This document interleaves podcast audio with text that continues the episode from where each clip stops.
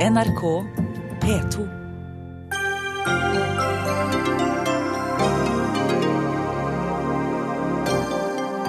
Når Ubaydullah Hussain sier 'måtte Allah belønne dem' om Boston Marathon-terroristene, er det fullt lovlig, mener lagmannsretten. Men er det greit at en islamist peker nese til systemet han vil til livs? Alle over 52 år bør høre på Dagsnytt 18 i dag. For er du uheldig og blir uføretrygdet før du skal gå av med pensjon, ja da taper du trolig minst en halv million kroner. Nå gjelder det for grekerne. Lempes de ut av euroen og EU, har et sivilisasjonsprosjekt feilet, hevder en av våre gjester. Og de palestinske flyktningene fra 1948 er blant dem som lider mest i Syriakrigen. De er nemlig statsløse, og ingen vil ha dem.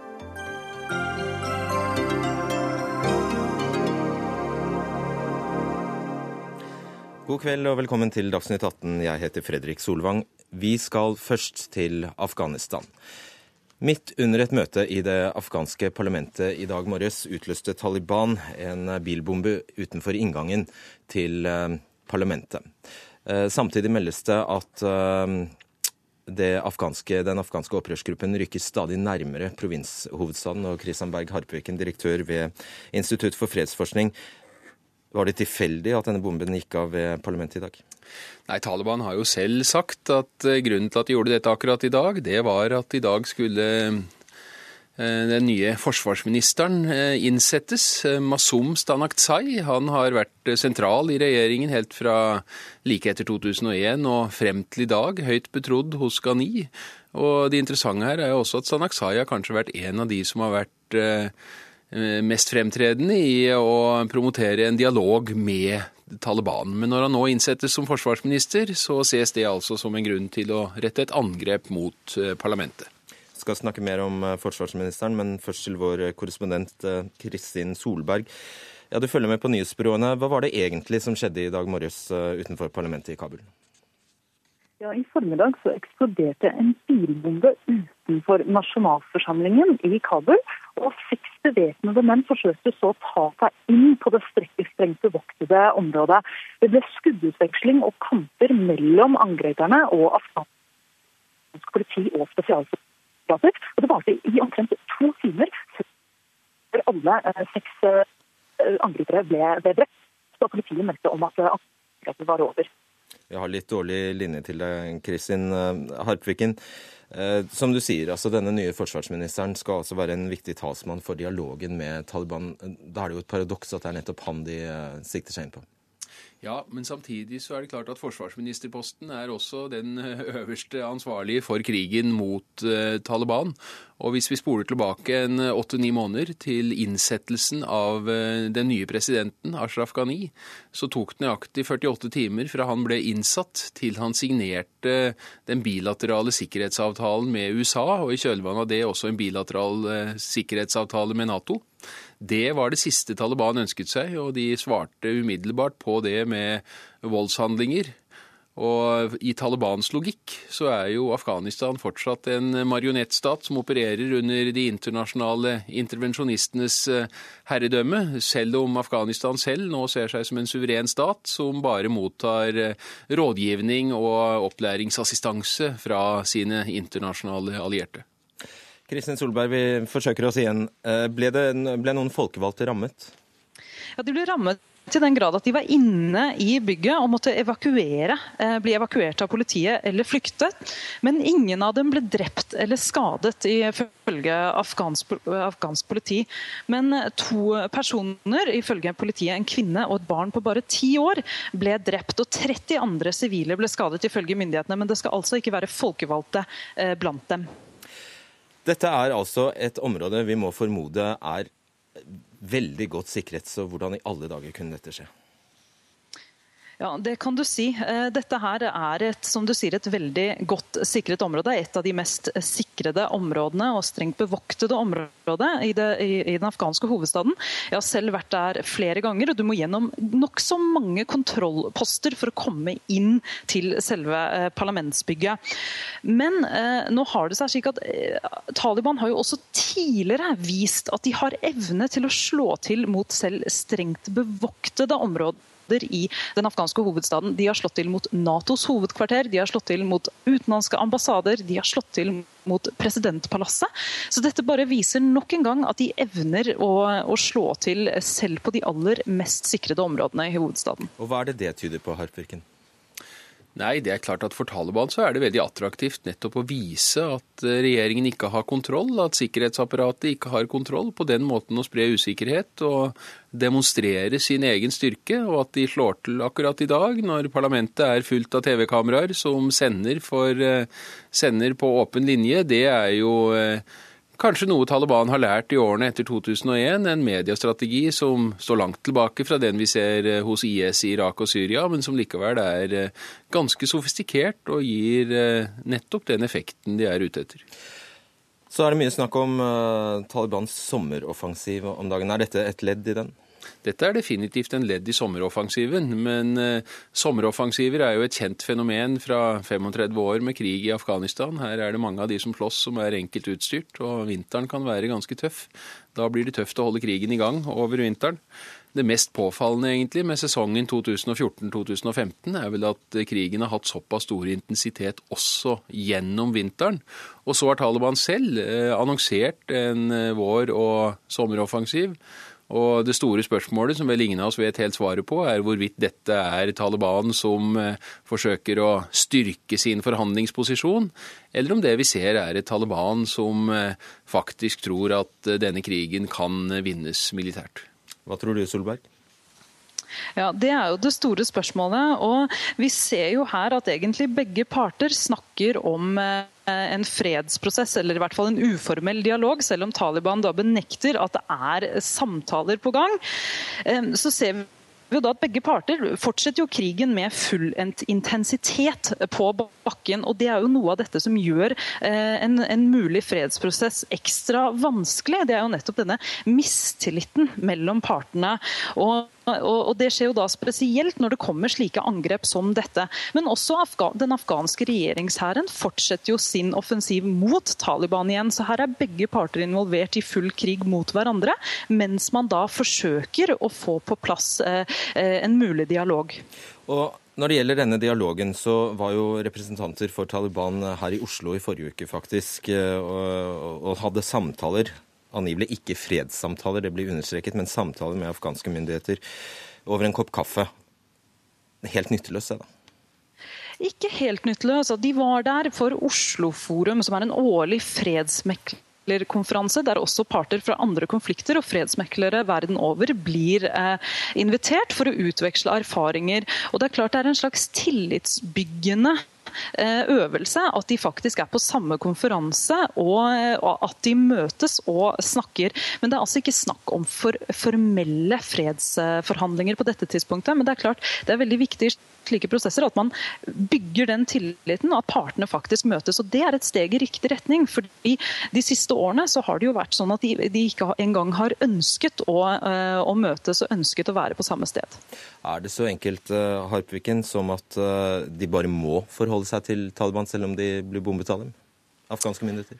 Ja, jeg tror nok ikke det er så mye valg. Vi snakker nå om en eh, militær og politisk organisasjon som de facto har kontroll over en ganske betydelig del av det afghanske territoriet. Og det er ikke noe tvil om at i, i hvert fall i de pashtunske stammeområdene i sør og øst, så er det nok store deler av befolkningen som like gjerne vil underkaste seg Talibans herredømme som de vil underkaste seg regjeringens herredømme. Det er jo noe av det fortvilte etter den voldsomme statsbyggingsinnsatsen man har eh, hatt fra 2001 til 2015, at den afghanske regjeringen framstår for mange fortsatt som så lite attraktiv at selv om man ikke nødvendigvis er så forferdelig begeistra for Taliban, så ser det heller ikke verre ut enn å ligge under regjeringens eh, herredømme. Mm. Og Siden du nå driver med fredsforskning, hva skal til? Noe av det som skal til, er faktisk noe vi har sett, uh, sett, konturene av de siste månedene. Og det er at uh, nabolandene begynner å enes om å støtte opp om en afghansk fredsprosess. Pakistan er jo kanskje det aller, aller viktigste landet. Eh, den nye afghanske presidenten har engasjert seg i en konstruktiv dialog med Pakistan. Det gjorde ikke hans forgjenger. I tillegg har han fått eh, Kina med på laget. Kina er viktig for Pakistan og legger et visst press på Pakistan. Pakistan legger igjen et visst press på Taliban. Og det er nok også en av grunnene blant mange til at Taliban nå er mer villig til i hvert fall å eh, snuse på muligheten for en dialog med regjeringen. Eh, vi setter strek der og skal bare legge til at eh, vi inviterte Utenriksdepartementet, som dessverre ikke hadde anledning til å stille i dag. Takk skal dere ha, Kristian Berg Harpviken og Kristin Solberg. Dagsnytt 18 alle hverdager kl 18.00 på NRK P2 og NRK2.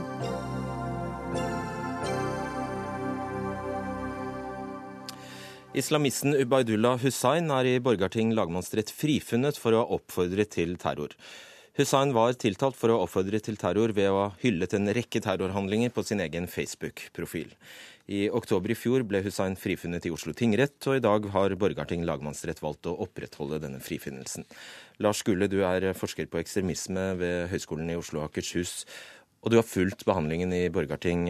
Var det en riktig avklaring? Ja. Eh, dommen fra tingretten var godt begrunnet.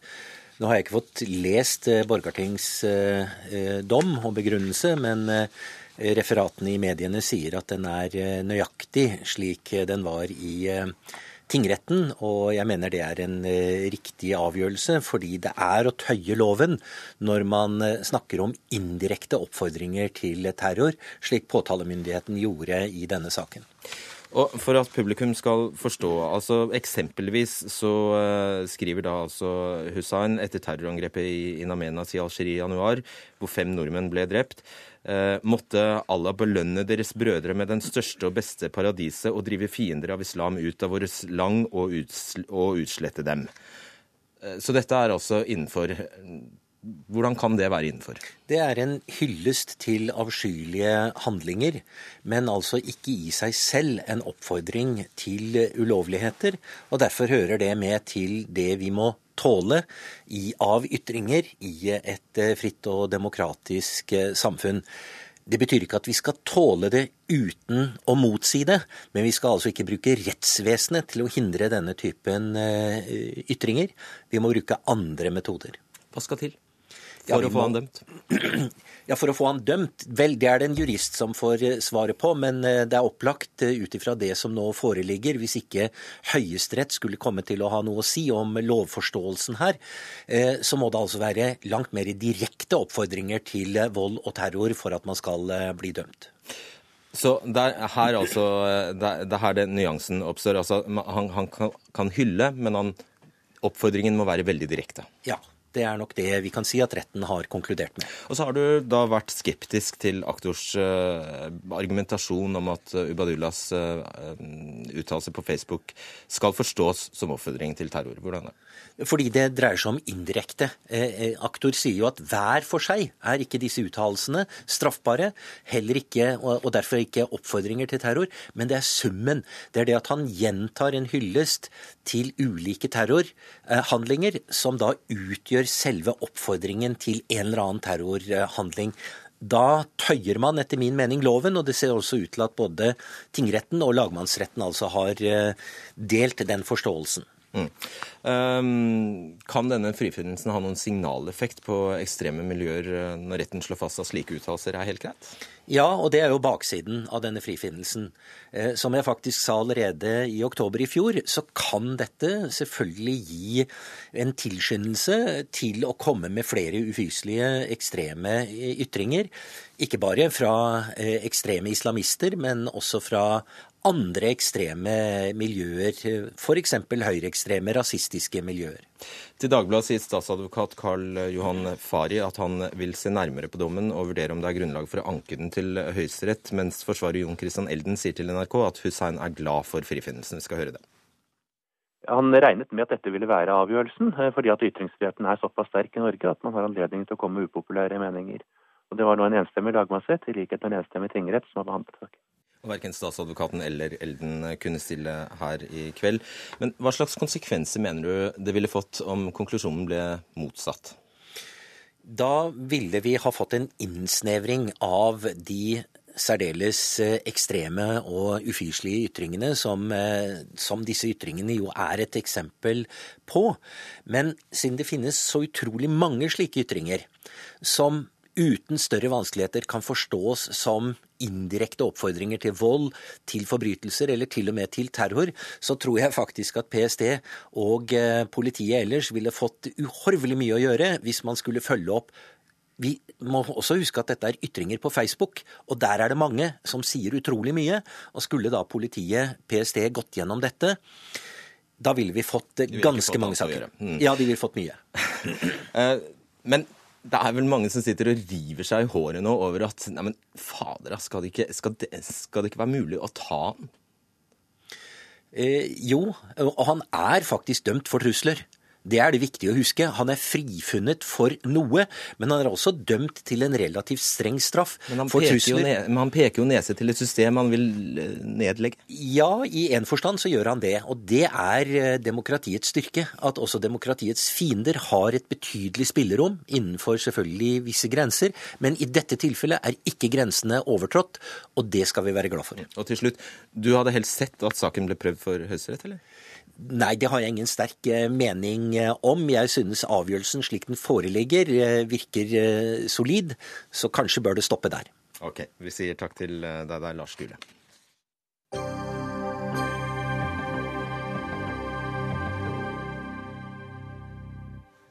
Visste du at om lag halvparten av alle pensjonister her i landet går på uføretrygd før de blir pensjonister?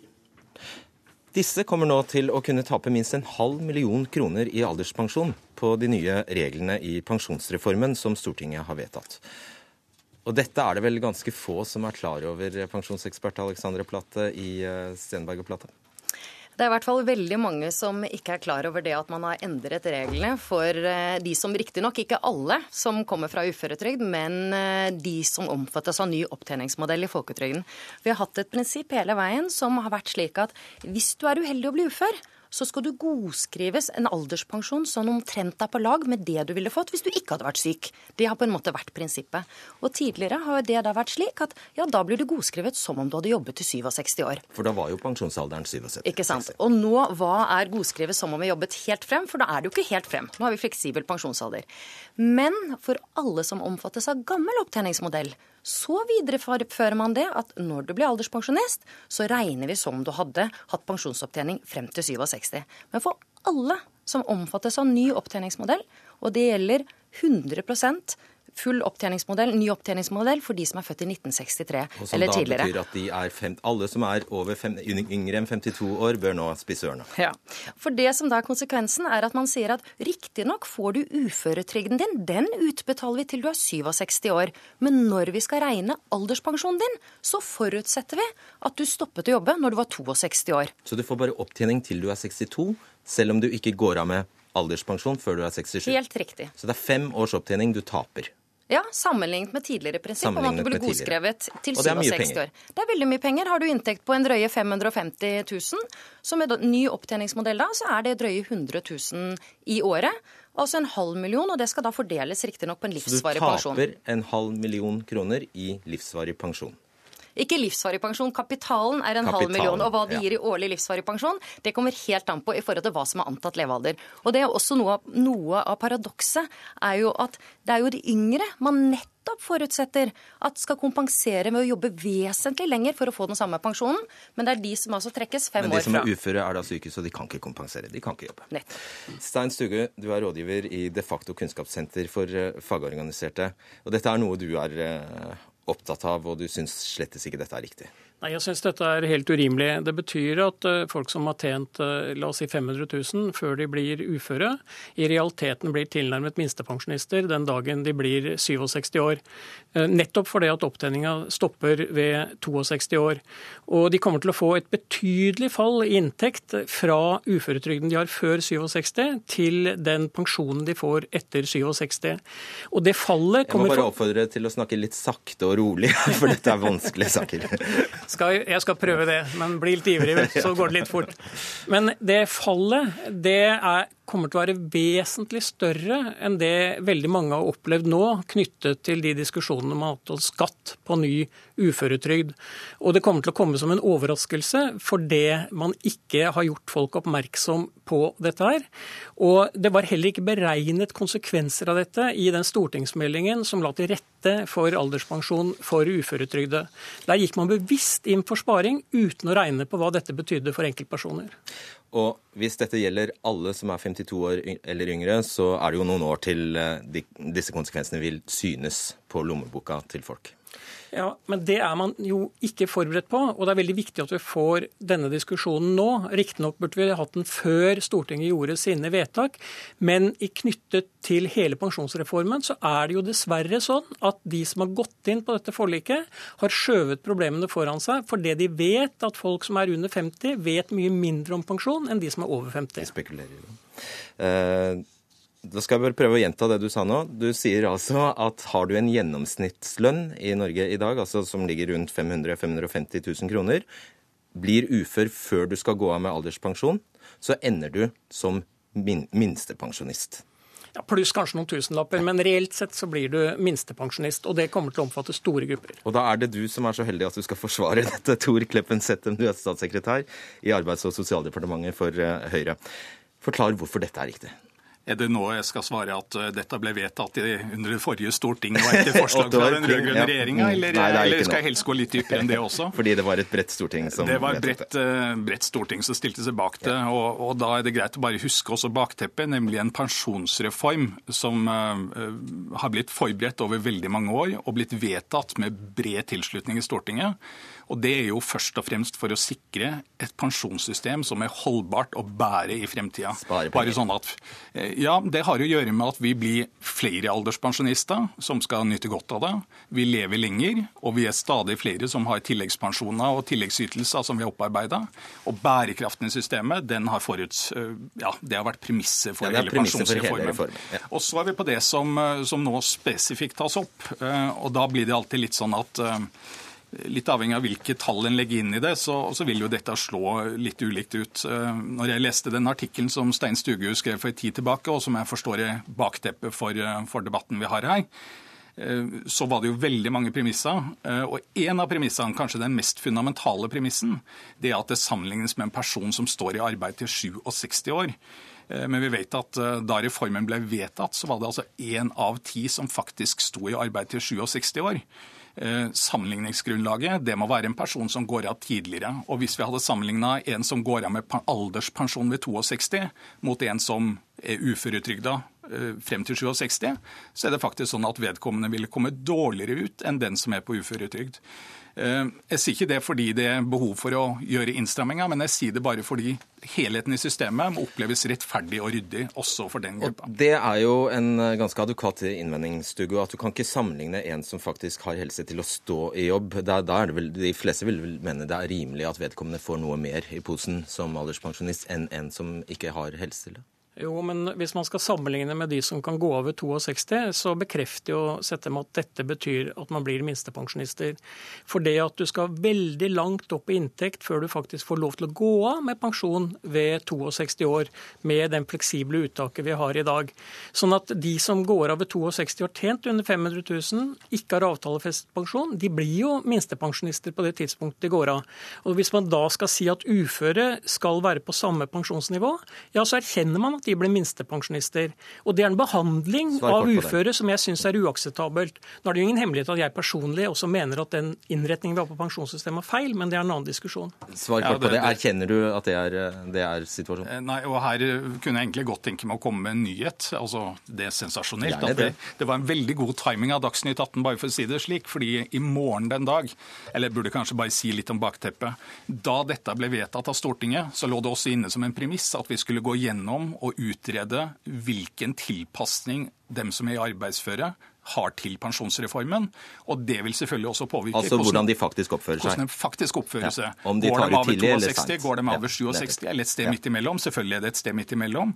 Og det utredningsoppdraget det signerer departementet på i morgen den dag. Og det er jo grunnlaget for at dette skal tas opp til en grundig evaluering i 2018, slik Stortinget har vedtatt da dette ble vedtatt opprinnelig. Det var litt av en nyhet. Hva var nyheten? Ja, men...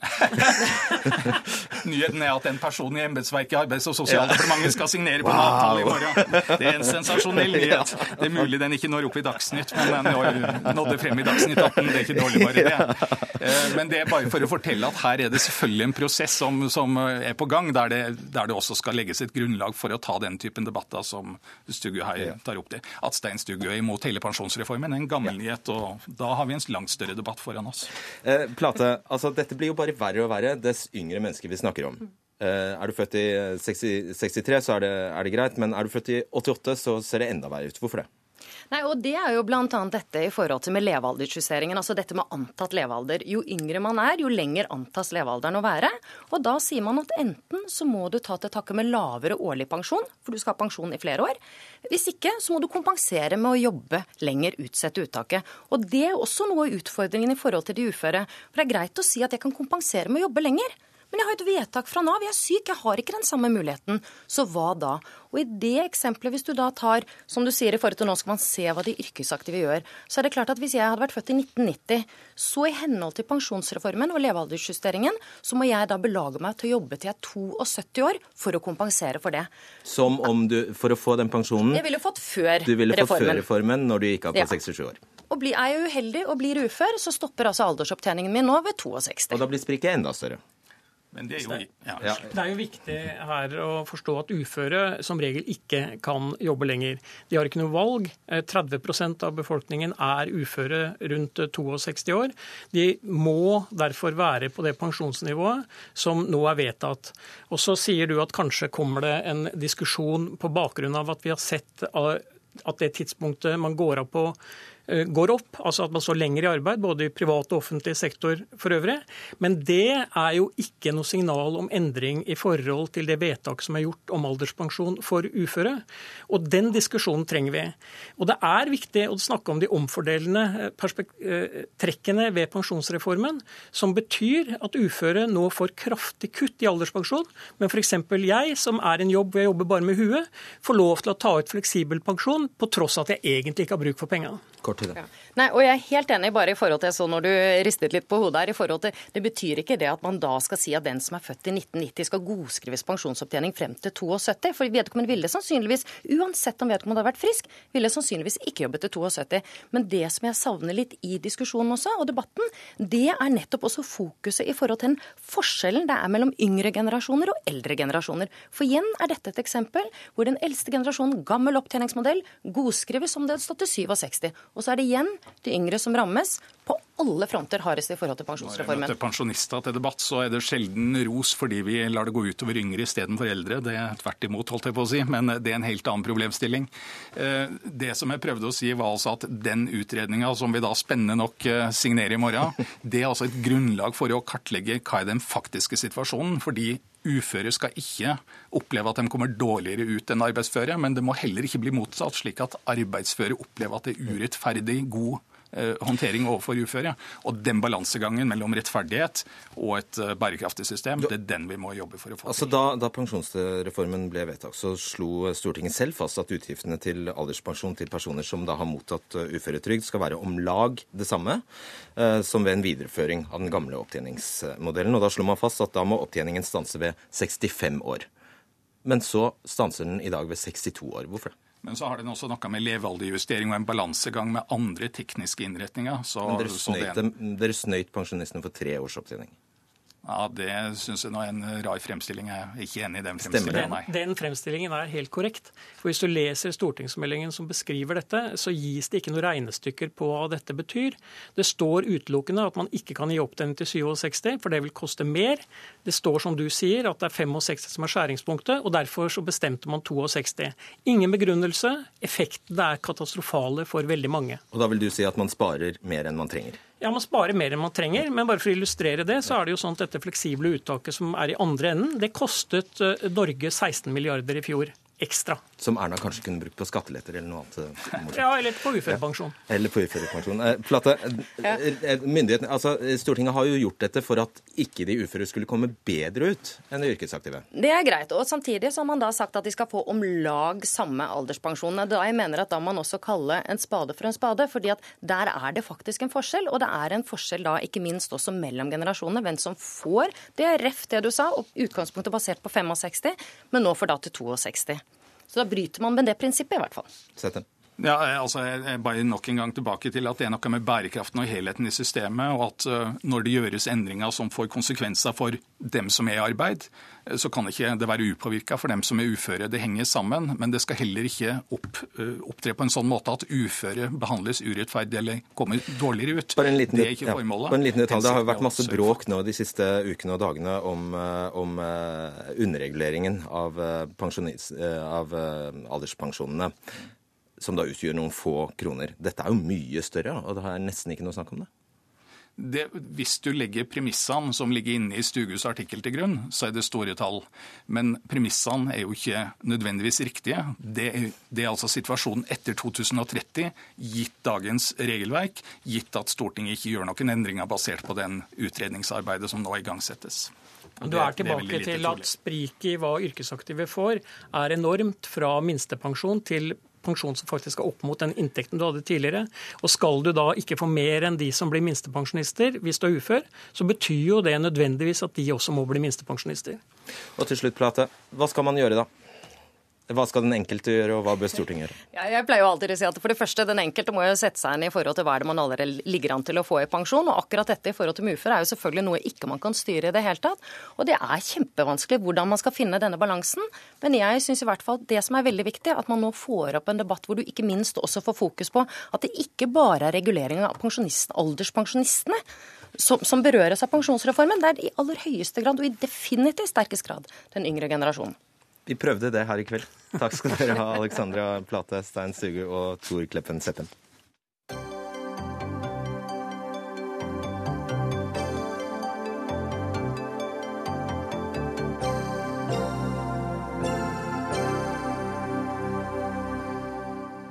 Vi har jo snakket mye om krisen i Hellas, men nå står landet helt på kanten av stupet.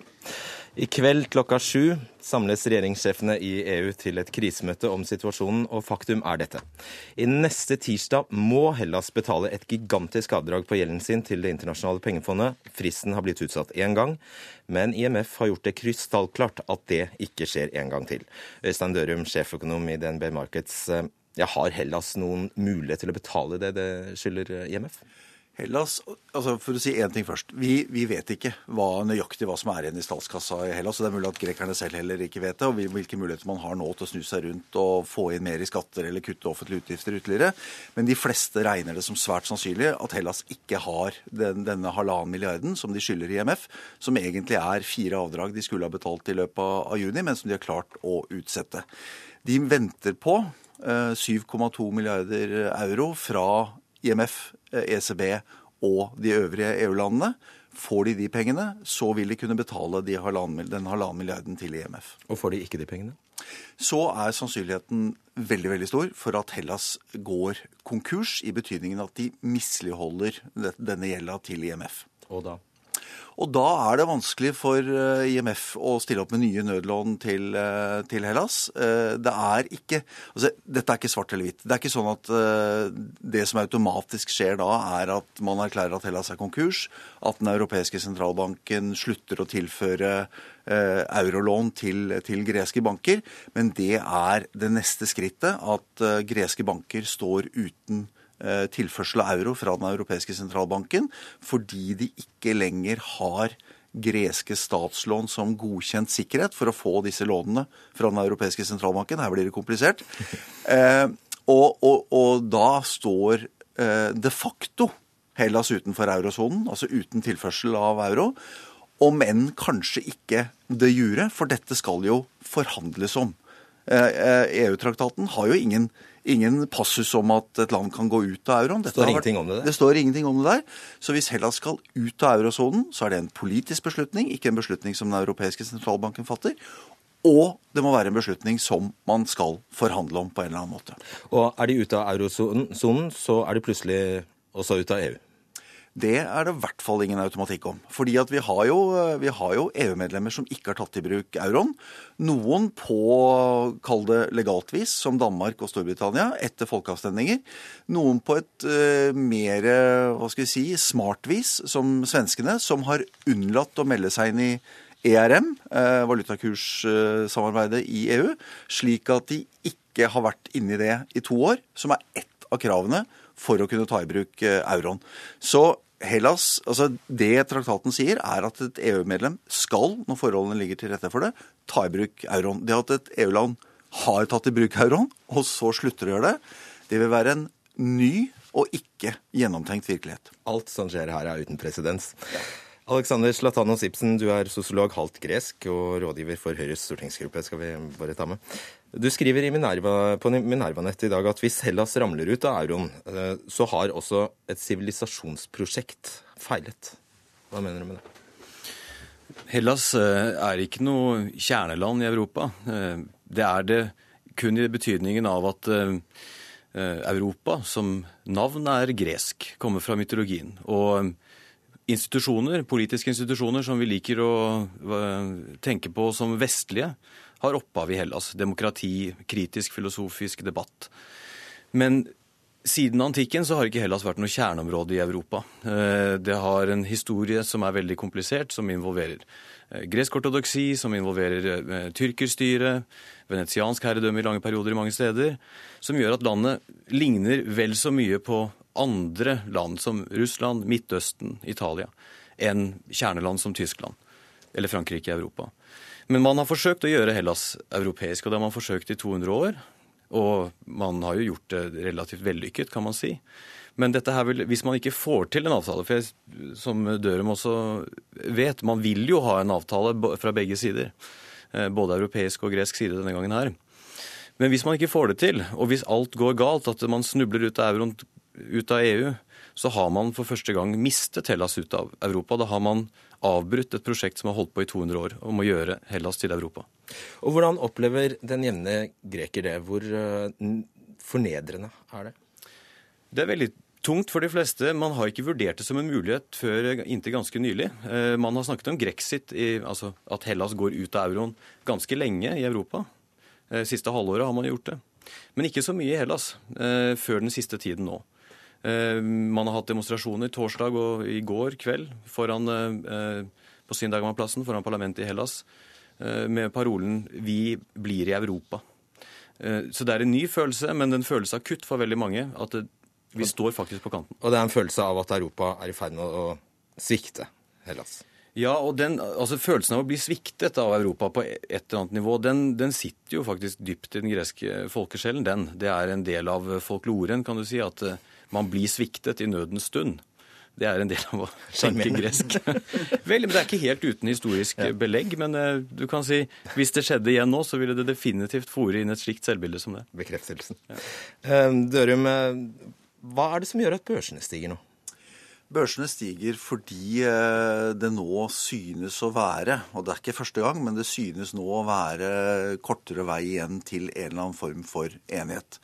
Og det er nok slik at den usikkerheten som har vært om en mulig grexit, og konsekvensene av en slik grexit, har tynget uh, rentemarkeder, børser, uh, euro, eurokursen. Det kan også være, som vi ser mange ganger, at uh, når man værer en positiv nyhet og tror at naboen kommer til å kjøpe aksjer, så kjøper man selv aksjer fordi at kursene kommer til å, kommer til å stige. Men det er, nok, det er nok håpet om at det blir mindre, mindre, mindre usikkerhet her. og, og et sted hvor aksjekursen har gått kraftig i dag, er jo i greske banker, som står på randen av, av stupet, som er helt avhengig av nødlån fra Den europeiske sentralbanken, og som antakelig eh, ville gått over ende hvis det ikke ble noen løsning. Hvis det, det skulle blir... lite til, altså.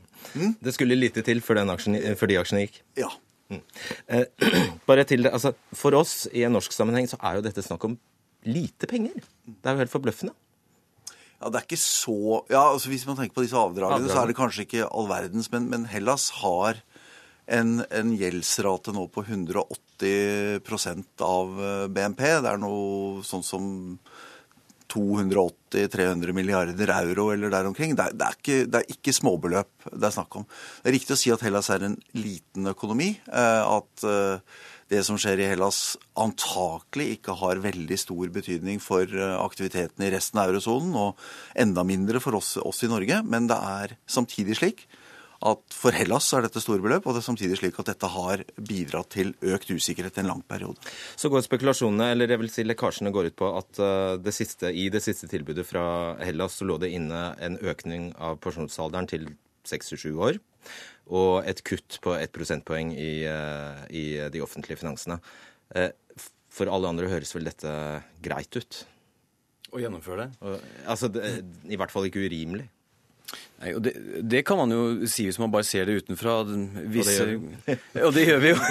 Men ja, man, man, må tenke, huske på litt grann, altså standhaftigheten ved å tviholde på en del goder eh, kommer ut av en situasjon hvor man har hatt krise i veldig mange år, og hvor en pensjon er ikke bare det er ikke noe du tar med deg og spiller golf for. Det er kanskje noe du brødfører tre generasjoner i samme husholdning med. Eh, så et kutt der kan være skjebnesvangert. Samme med andre ordninger. Man har etterlyst reformer. Hvor blir de av? Skatteinnkreving Skatteinnkrevning osv.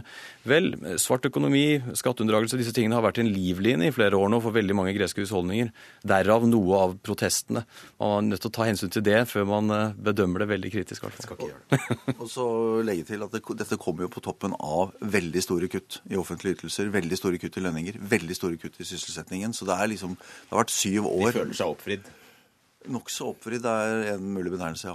Bare helt, helt, på tampen, vi må jo innom det. Er, er, stemmer det, eller er det bare eh, Stemmer det at, at nordmenn på ferie i Hellas faktisk bør, eller som planleggere faktisk bør ta ut penger på ferie? Blir det ingen avtale, og Hellas er på vei ut av eurosonen, så vil eh, folk ønske å tømme greske banker. Da vil regjeringen kunne innføre kapitalkontroller, restriksjoner på uttak av banker.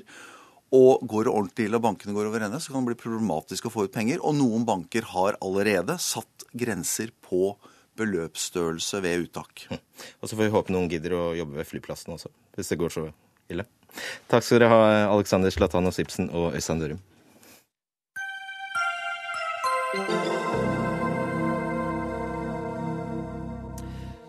Store deler av Oslo og Bergen sentrum kan bli stengt for bensin- og dieselbiler. Byrådet i Oslo har nemlig vedtatt en klimaplan som innebærer store endringer for Oslos befolkning om få år. Og da skal hovedstadens gater være nærmest bilfrie. Guri Melby fra Venstre, du er samferdsels- og miljøbyråd eh, i Oslo. Eh, har du gått fra vett og forstand? jeg har lyst til å starte litt med å si hvorfor vi gjør det her. Eh, bystyret i Oslo har satt ambisiøse klimamål. Vi har sagt at vi skal halvere klimagassutslippene i Oslo innen 2030, og at vi skal bli en nullutslippsby innen 2050. Og så har vi gjort framstillinger som viser at hvis vi ikke gjør noen endringer på praksis i Oslo, så kommer utslippene bare til å gå oppover. Så bare la oss ha det på det rene først som sist. Det er de globale klimagassutslippene du er bekymret for, ikke lokal forurensning. Ja, men det som er så fint, da, er at de tiltakene som gjør at vi kutter globale utslipp, at vi kutter CO2 i Oslo, det er faktisk også de samme tiltakene som gir oss bedre byluft, mindre støy, mindre trafikkaos og bedre plass for gående, syklende og kollektivtrafikken. Så, så, jeg mener jo at det å da få mindre biler i sentrum, og særlig mindre av de fossile bilene, de som da forurenser mest både til lufta og av CO2, eh, det gjør at vi også oppnår veldig mange andre fordeler. Eh, sånn som at vi får bedre plass til byliv, bedre plass til dem som går og sykler og gjør de miljøvennlige valgene. Og Hvordan skal nå dette foregå i praksis? Det som skjedde i vinter, var at Stortinget vedtok at nå skal kommunene få lov til å innføre lavutslippssoner. Fram til nå har det ikke vært mulig i Norge. Men det er ganske mange andre byer i verden som har det. Berlin er ett eksempel. Der må du betale avgift etter hvor forurensende bilen din er. Så hvis du har en gammel dieselbil eller en stor varebil f.eks., så må du betale ganske mye avgift og feste et oblat på. Hva vil det si? Uh, ja, det, eh, Summene tror ikke jeg vi skal begynne å gå inn på. Jo, la oss gjøre det. for her er vi faktisk avhengig av at departementet lager et lovverk. Men det må vel svi for at det skal være, være noe vits? Ja, det vet man. Ja. at For at det skal ha en avvisende effekt, så må det svi. Men vi vet jo at bomringen i Oslo eksempel, også har en avvisende effekt. Eh, og så kan man også se for seg områder der det kun da er lov for de helt utslippsfrie kjøretøyene. Og det finnes jo områder i byen som allerede er sånn. F.eks. det som er rene kollektivgater, det som er gågata, er jo eh, på mange måter lavutslippssoner allerede. Så det det handler jo om å utvide de sonene. Og det, det, vi ser på den utviklinga med elbil og sånn i Oslo, når omtrent én av fem nybiler er elbiler, så tror jeg at om veldig få år så vil ikke dette være så veldig problematisk. Peter N. Myhre, nestleder i Oslo Frp, mistenker du er uenig i det siste, i hvert fall? Jeg er ikke nestleder i Oslo Frp, men jeg er her for jeg Frp. Men jeg syns dette blir useriøst først og fremst pga. at bare for noen få år siden så fikk vi sterke signaler fra den rød-grønne regjeringen, anført av uh, finansminister Kristin Halvorsen, som sa at nå må folk kjøpe dieselbiler, fordi da blir været så bra. Uh, og nå skal vi altså straffes for å kjøre med de bilene som regjeringen oppfordret oss til å kjøpe for bare noen ganske få år siden. Eh, så eh, må jeg nok også si at jeg har ikke så veldig stor tro på at dette gir eh, verken de globale virkningene eller den, eller, eller den lokale forurensningen, faktisk. Fordi gjennom sentrum så, så, må det jo gå busser. De er ikke elektriske. Det må være søppelbiler, det må være sykebiler, hjemmesykepleiens transporter. De som bor der. Ikke minst tenk alle disse bilene som Varebiler, all varelevering. Og så alle bilene som kommer ut og inn av, eh, av eh, utenlandsfergene. Altså eh, danskebåtene, Kiel-fergen, slipper ut hundrevis av biler. Skal man stå og stoppe dem for å kjøre inn i Oslo sentrum? Det blir, det blir veldig rart, så jeg har ikke noe særlig tro på dette. Men ganske mange av de eksemplene du nevner, er enten på vei til å bli fossilfrie allerede, eller er det allerede. Du nevner f.eks. hjemmesykepleien. Nå i løpet av året her så vil alle bydelene i Oslo skifte ut sine kjøretøy, sånn at Oslo kommunes kjøretøy er elektriske. Men det eksempelet som er morsommere, er, er det med og... danskebåten. Fordi hva skal du gjøre med alle de tusen som parkerer bilen sin ved båten, og som eh, skal, skal hjem igjen? Ja, Da må du... de betale en avgift, da. En heftig avgift. Jeg mener jo at... Da blir det en avgift til på turistene, da. Altså, Vi har en stor utfordring med klimagassutslipp. Og jeg mener at Oslo bør gjøre sin del av jobben. Eh, de største utslippene skjer faktisk i verdens store byer. Og i Oslo så står transport for 60% av klimagassutslippene. Så det betyr at hvis vi ikke får endra folks reisevaner, hvis ikke vi får enda flere til å velge kollektiv Oslo-folk er på god vei, altså, men vi må få enda flere til å reise kollektiv og enda flere til å skaffe seg fossilfrie biler, så greier ikke vi å unngå store klimaendringer. Eh, og jeg mener at det er vår største utfordring. og da, eh, da mener jeg at det er helt riktig å pålegge noen avgifter for å oppnå de atferdsendringene som vi ønsker. Bare et lite faktaspørsmål, svar kort på det. Eh, ødelegger, ødelegger ikke en elbil veien like mye og lager mye, like mye svevestøv som en hvilken som helst annen bil? Eh, når det gjelder svevestøv, så er elbilen akkurat like problematisk. Ja. Men hovedproblemet i Oslo er NOx og det kommer fra dieselbiler. Og så skal jeg også bare si at Vi har vedtatt at bussene skal være eller, fossilfrie innen 2020, så det ordner seg også. Ja, Det er noen år til igjen, da. Så jeg tror vi kan vente litt med disse utslippssonene dine til vi har fått orden på bilparken, i hvert fall. Og så må du tenke på at ah, i, i Oslo sentrum så er det massevis av håndverkerbiler. Snekkere, murere, malere, rørleggere, elektrikere. De har små biler. De er avhengig av at de går hele tiden og kan ikke sette dem på lading hele tiden. Uh, det, og det er et fenomen som kommer til å fortsette. Og hvis du skal avgiftsbelegge den, så blir det altså enda dyrere Man priser prise Oslo sentrum ut av Men det er fullt, det er fullt mulig å lage slike soner uten å lamme byen. En tredjemann her, Henning Warlo, du er eh, byråd for eh, finans og kultur og næring i Bergen eh, kommune. Og du representerer Høyre, det stemmer det? Eh, det stemmer, men jeg er faktisk byråd for byutvikling, klima og miljø. Her var det mye feil. Beklager det. Ja. Um, beklager og, det også, og det er sannsynligvis derfor jeg sitter her ja, i dag. Jeg regner med det. Men du har altså eh, ønsket at Bergen skal være forsøkskommune for dette prosjektet. Er det god høyrepolitikk? Uh, ja, det mener vi er god høyrepolitikk, fordi at vi må trekke Bergen i en grønnere retning. Vi har utfordringer når det gjelder lokal luftkvalitet, som jeg tar minst like mye på alvor som de globale klimaproblemene. Eh, og vi må gjøre trafikkreduserende tiltak. Vi må gjøre mange ting samtidig. Eh, vi elektrifiserer nå havnevirksomheten i Bergen havn, som ligger midt i sentrum. Vi eh, kommer til å innføre det vi kaller for køprising, for å avvise noe trafikk i rushtiden. Og vi kommer til å innføre økonomisk stimulans for bilister som velger å kjøre med passasjer, for det er det veldig mange som ikke gjør. Og vi ønsker å lage deler av Bergen sentrum om til nullutslippssone for å skape et, en triveligere by og en by med en bedre luftkvalitet, som i dag noen ganger er et helseproblem. Så du er mest opptatt av de lokale utslippene, ikke at du kan redde verden? Jo, altså som, som menneske og politiker er jeg selvfølgelig opptatt av å redde verden, men jeg kjenner jo mine begrensninger. og jeg føler vel, jeg føler vel kanskje at vi har store nok eh, lokale eh, utfordringer som vi må løse, men jeg er helt enig med Guri Melby. Eh, det ene er ikke til fortrengsel for det andre, snarere tvert imot. Eh, får vi til smarte løsninger som bedrer den lokale luftkvaliteten, så bidrar vi også til å løse de globale klimaproblemene. Myhre, det vel, dette kan vel ha en oppdragende effekt, om ikke annet? Jeg konstaterer i hvert fall at nå har altså Venstre og Høyre og alle partiene utover på ytterste venstrefløy nå slått seg sammen for å diskutere en masse nye avgifter. Og Det syns jeg velgerne skal merke seg, at nå er det altså Fremskrittspartiet mot røkla igjen når det gjelder denne typen spørsmål. Men det er klart Frp har vært med på mange tiltak for å gjøre bymiljøet bedre.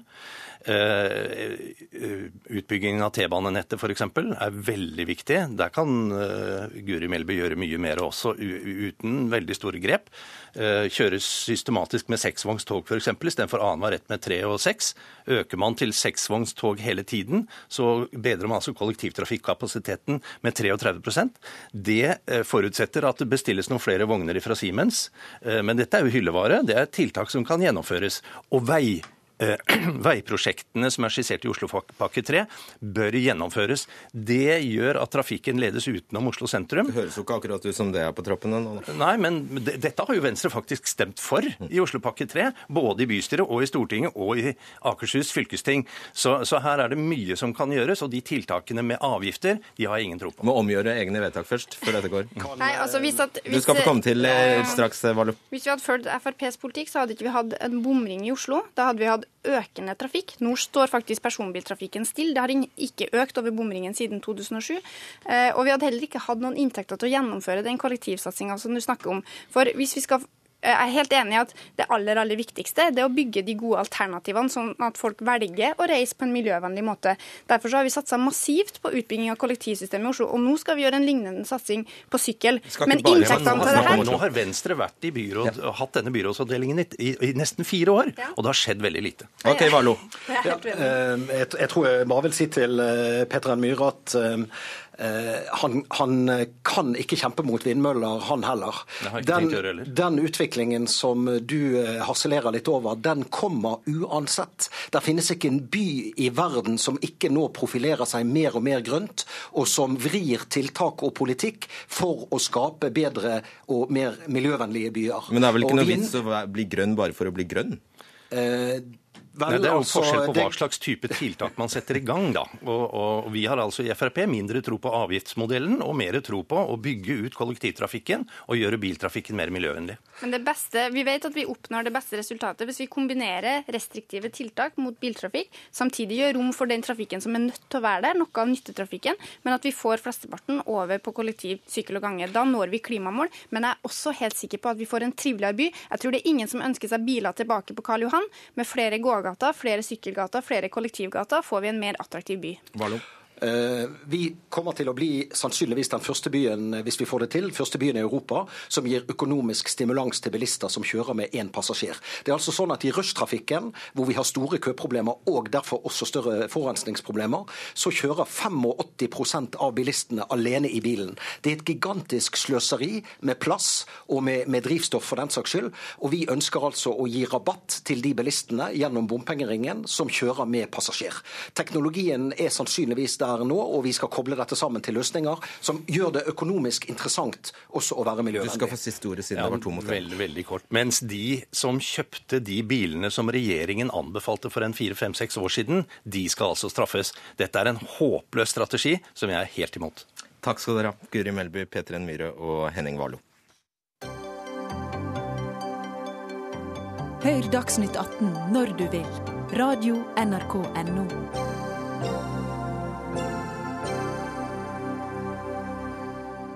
De er fem millioner som har levd det meste av livet på flukt. De er fem millioner ingen snakker om, Og aller minst snakker vi om de drøyt 500 000 av dem som nå lever under ekstreme kår.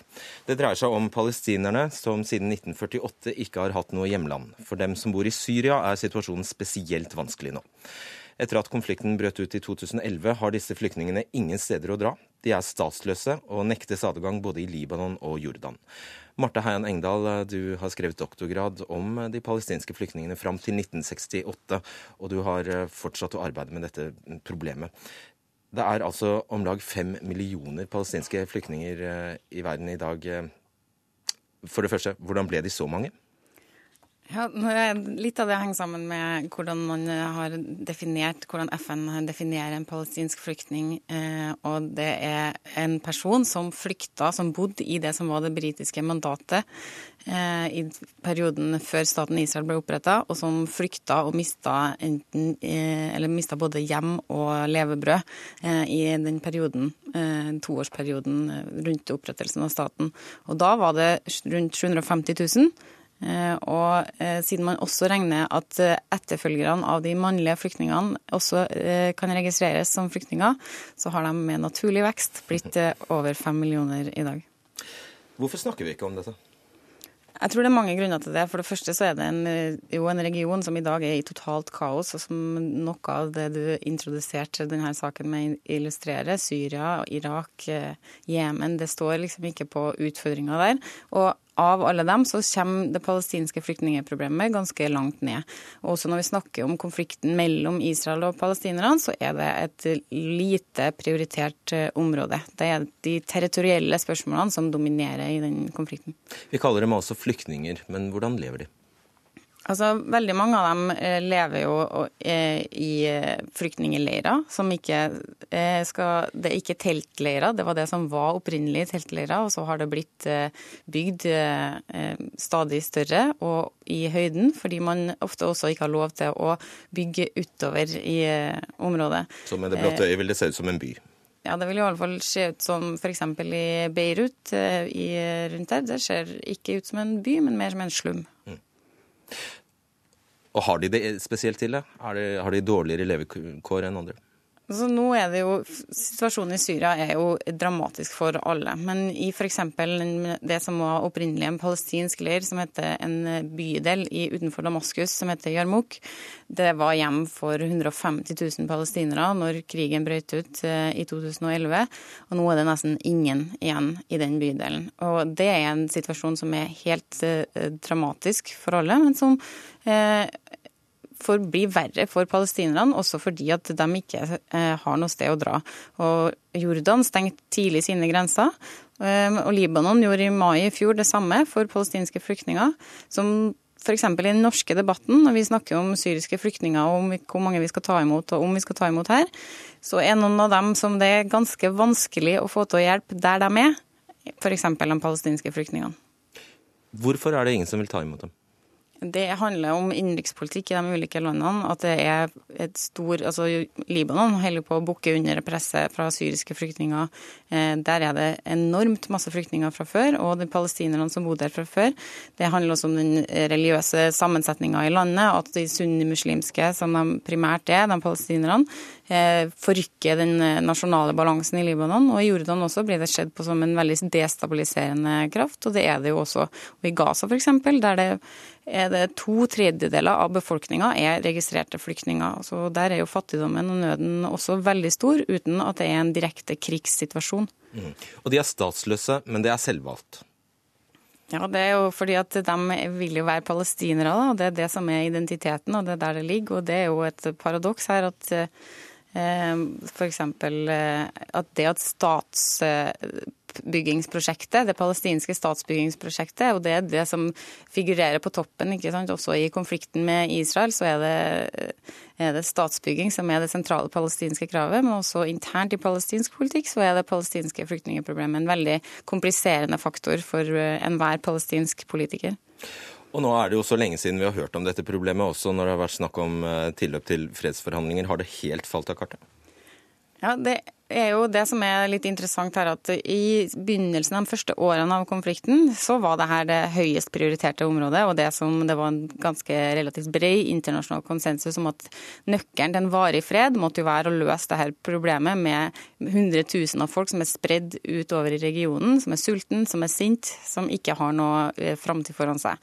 Mens fra Oslo-avtalen og utover så har palestinske flyktningeproblemet vært definert som et såkalt sluttstatusspørsmål, som skal forhandles om en dag eh, langt nedover veien når freden har senka seg og tilliten mellom partene har blitt etablert. Eh, og som vi alle vet, så er vi ganske langt unna akkurat det sluttstatuspunktet ennå. Dessverre. Takk skal du ha, det var det vi rakk, Marte Heian Engdahl. Skal bare si at Ansvarlig for denne Dagsnytt 18-sendingen var Elisabeth eh, Onsum. I teknikken satt Lisbeth Sellreite, og i studio satt Fredrik Solvang.